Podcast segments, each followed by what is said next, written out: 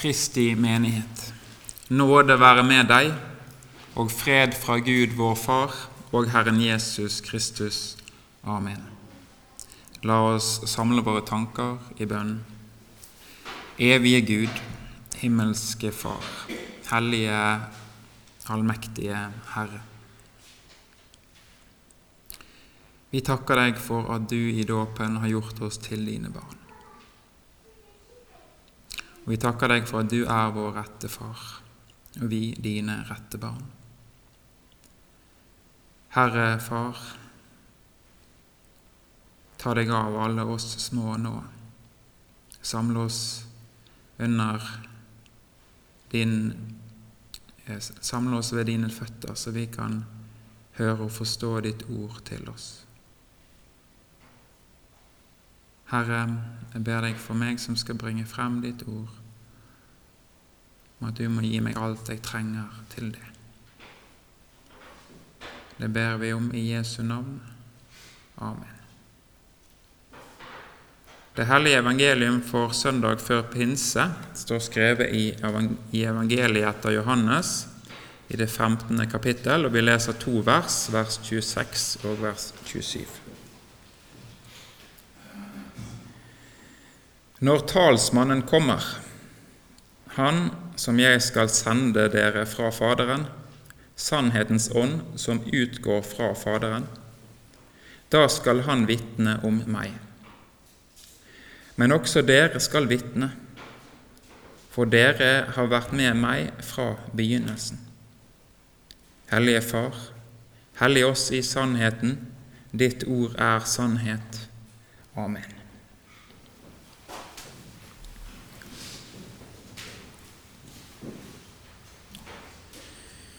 I dagens tekst så er vi igjen tilbake til Jesus' siste tale og undervisning på skjærtorsdags ettermiddag. Og Vi har nå lest kort, et kort utdrag fra en tekst som handler om hvordan den treenige Gud skal være til stede på jorden etter at Jesus har trådt ut av tiden. Og Det tales om en vitnetjeneste om at budskapet om Jesus Kristus skal ut, og at dette er noe som Ånden og Guds folk gjør i fellesskap. Omtale av denne tjenesten den står i et avsnitt der Jesus taler om motstand, om den motstand som vil møte Guds folk i verden. Så det er rammen rundt disse versene. Jesus taler om et hat og om en forfølgelse av den som er født av Gud, de som tror på Han som Gud har sendt. Og Denne forfølgelse av Guds folk den skjer fordi de som er født av Gud, er annerledes enn det som er født av denne verden. Det skjer fordi budskapet de kommer med, er et budskap som dømmer verden som dømmer verdens samvittighet. Ved at det taler sannhet, sannheten om oss og om verden. En sannhet om Gud som er annerledes enn den Gud som mennesket bygger i sitt eget bilde. Disse gudene som ofte er ulike fruktbarhetsguder eller dødsguder. Og Disse kommer i ulike former, både i de gamle tider og i de moderne tider. Og Disse gudene der, de er i bunn og grunn rotfestet i mennesket selv og menneskets egen utrygghet og usikkerhet, i menneskets egne ønsker og tanker.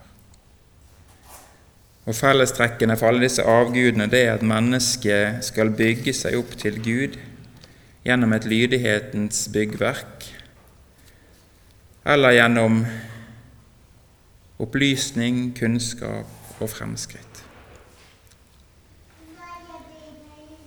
Jesu budskap, at mennesket ikke er sin egen Gud og Herre, at menneskets død og menneskets liv det er utenfor deres hender, og at det finnes en større Gud, og at Jesus fra Nasaret er Han. Dette vekker harme når dette forkynnes. Og Det er ikke bare budskapet til gudfolk som rører uro, men også deres nærvær skaper en motstand. Jesus sier, 'Var dere av verden, da ville verden elske sitt eget.' Men fordi dere ikke er av verden, men jeg har utvalgt dere av verden, derfor hater verden dere. Det står rett før disse versene vi leste i innledningen. Slik som f.eks. korset kan være et symbol som vekker motstand når folk ser det. Slik, kan, slik kan en kristen sitt nærvær vekke ubehag for enkelte. For ved sitt vitnesbyrd så blir hun som en fremmed. Så når folk ser et kors eller møter en kristen, så kan det skje at det både vekkes anstøt, motstand, men også en tiltrekning mot dette.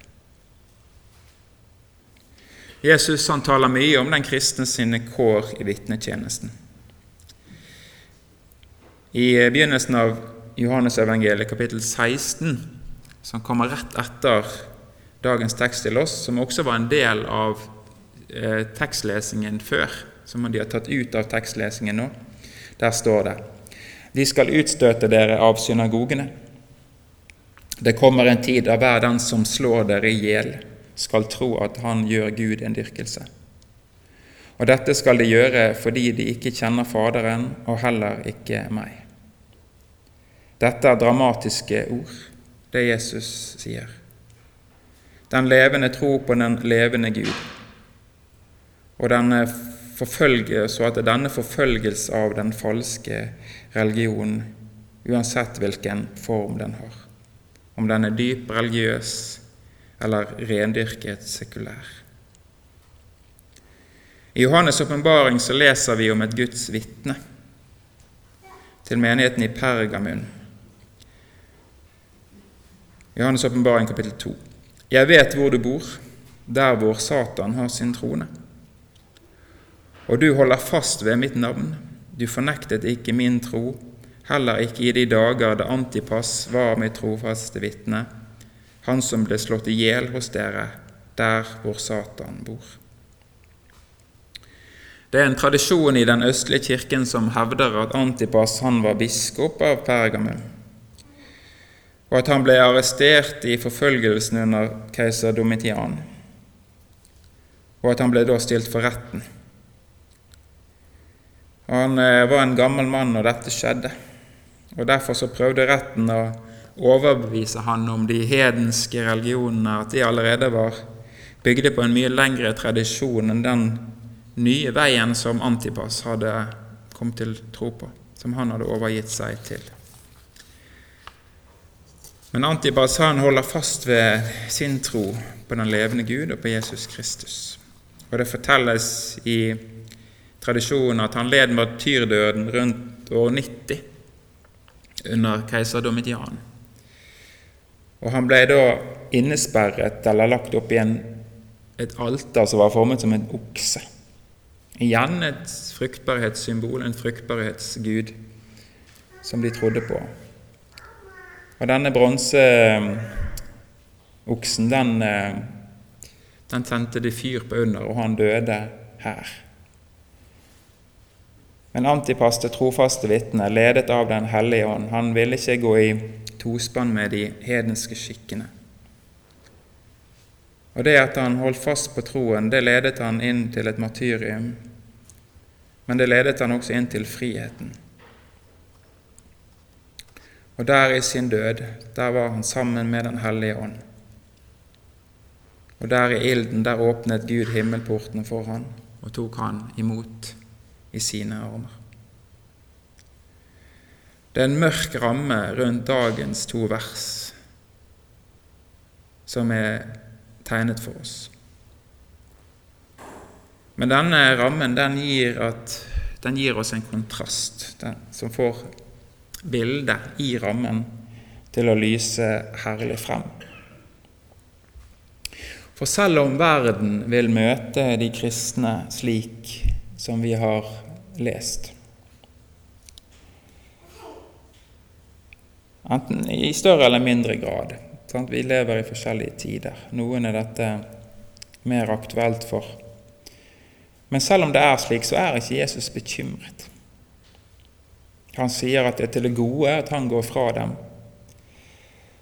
Så hvorfor er ikke Jesus bekymret for sitt folk, som må leve i en verden der de kan bli brent i et bronsealter? Kristi himmelsfartsdag er nettopp bak oss. Og Budskapet fra denne dag det er at Jesus Kristus nå sitter på sin allmakts trone. Den lidende tjener har nå blitt den opphøyde konge. Og det er i denne realiteten at verden nå ligger. Vi bekjenner det hver søndag. I trosbekjennelsen vår så sier vi, eller bekjenner vi, at Kristus for ned til dødsriket, sto opp fra de døde tredje dag, for opp til himmelen, sitter ved Guds den allmektige Faders høyre hånd, skal derfor komme igjen for å dømme levende og døde. Sitter ved Guds den allmektige Faders høyre hånd. Altså Jesus har inntatt herskerplassen, kongeplassen.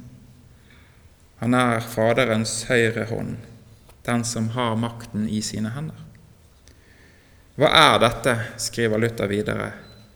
Jeg tror at Jesus Kristus, Han som er sann Gud, født av Faderen fra evighet, og sant menneske, født av Jomfru Maria, er min Herre, som har gjenløst meg, fortapte og fordømte menneske, kjøpt meg fri og frelst meg fra alle synder og fra dødens og djevelens makt ikke med gull eller sølv, men med sitt hellige, dyre blod og sin uskyldige lidelse og død, for at jeg skal være hans egen, leve under ham i hans rike og tjene ham i evig rettferd, uskyld og salighet.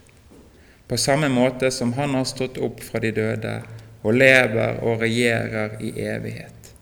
Det er både sant og visst. Ja, det er både sant og visst. Disse ting er det vi bekjenner i trosbekjennelsen vår. At jeg er evig hans, hans egen. At jeg lever under ham i hans rike og skal tjene ham i en rettferdighet og en uskyld og en salighet. I vår trosbekjennelse så bekjenner vi at Jesus, vår bror og frelser, at han har seiret over synd, død og djevel og at vår fremtid er trygg i ham. La dine tanker dvele over og dvele i disse ordene. Seieren er vunnet. Ja, da kan du i din egen uro nå si til deg sjøl Jesu blod er mye mer dyrebart og hellig enn all den synd som du og jeg kan samle med oss her i livet.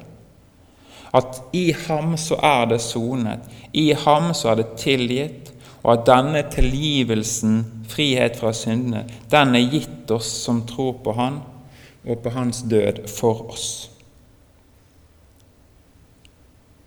Seieren er vunnet. Døden er en beseiret fiende. Det bekjenner vi i trosbekjennelsen. Friheten fra døden er allerede vår. For djevelen han vil binde oss i dødsfrykten. Han maler sine skrekkbilder for våre indre øyne om hva døden er, og hva sykdommen er, og hva lidelsen er, og hva ensomheten er, og hva den, ja, døden hva den er. Og Det skremmer oss når vi ser disse bildene for vårt indre øye. Men døden og dens hjelpere er beseiret. Kristus har tatt makten over dem, og vi trenger ikke frykte dette.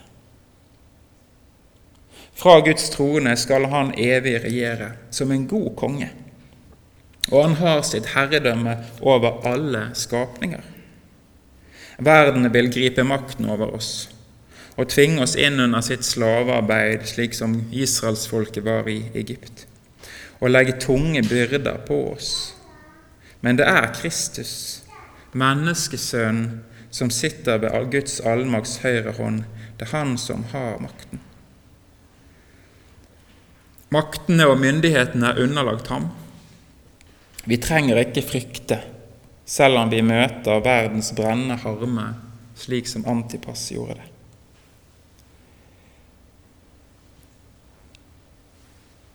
Faderen helliggjør oss som tror på ham, ved at Han sender Den hellige ånd inn i våre hjerter for å lede, trøste og gjøre oss levende.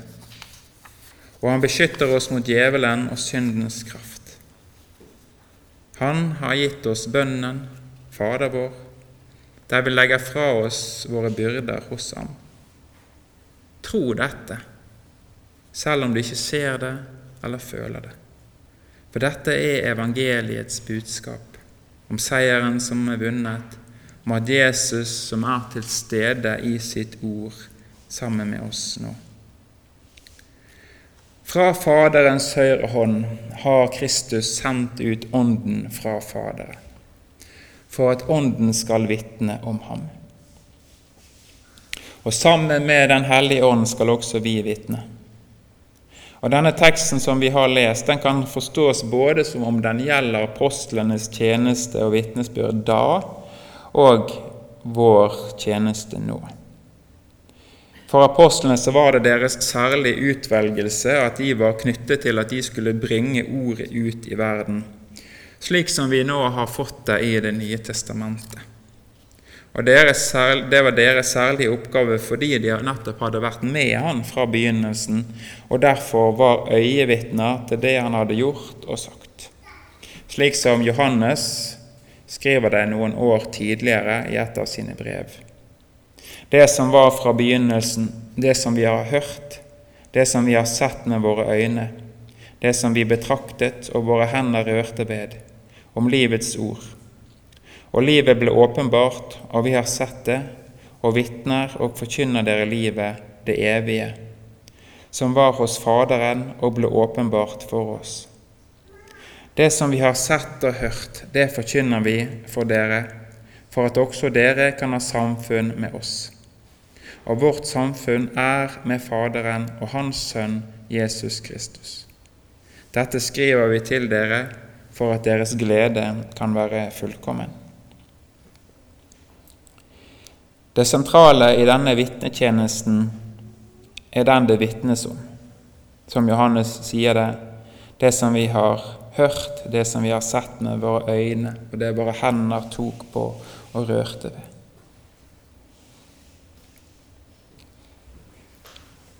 Og derfor kommer Ånden og vitner om ham. At Jesus er Ordet, om livets ord, den makt som er Guds livgivende kraft. Et vitnesbyrd om Han blir da et levende ord, et ord som virker.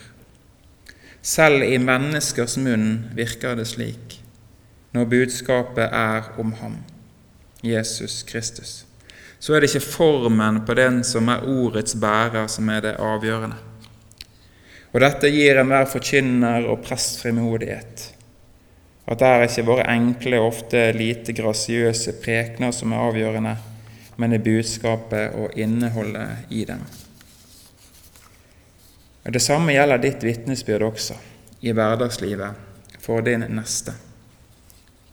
Det vitnesbyrd kan gi det samme samfunn med Den hellige ånd og Gud.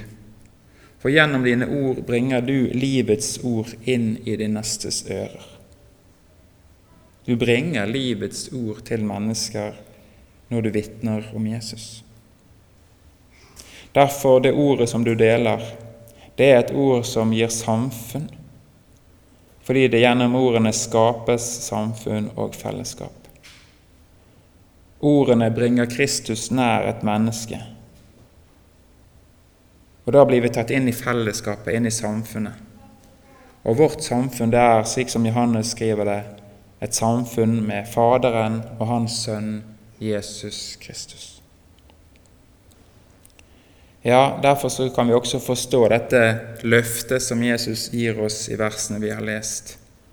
At dette ikke er bare til apostlene, men også til oss. At vi skal få med frimodighet få bekjenne det som vi har hørt, og det som vi tror på. Og Dette er et ord til tjeneste som setter fri. For det er et seiersord. Det er et jubelord. Det er ikke et ord som vi skal si for å vinne seieren.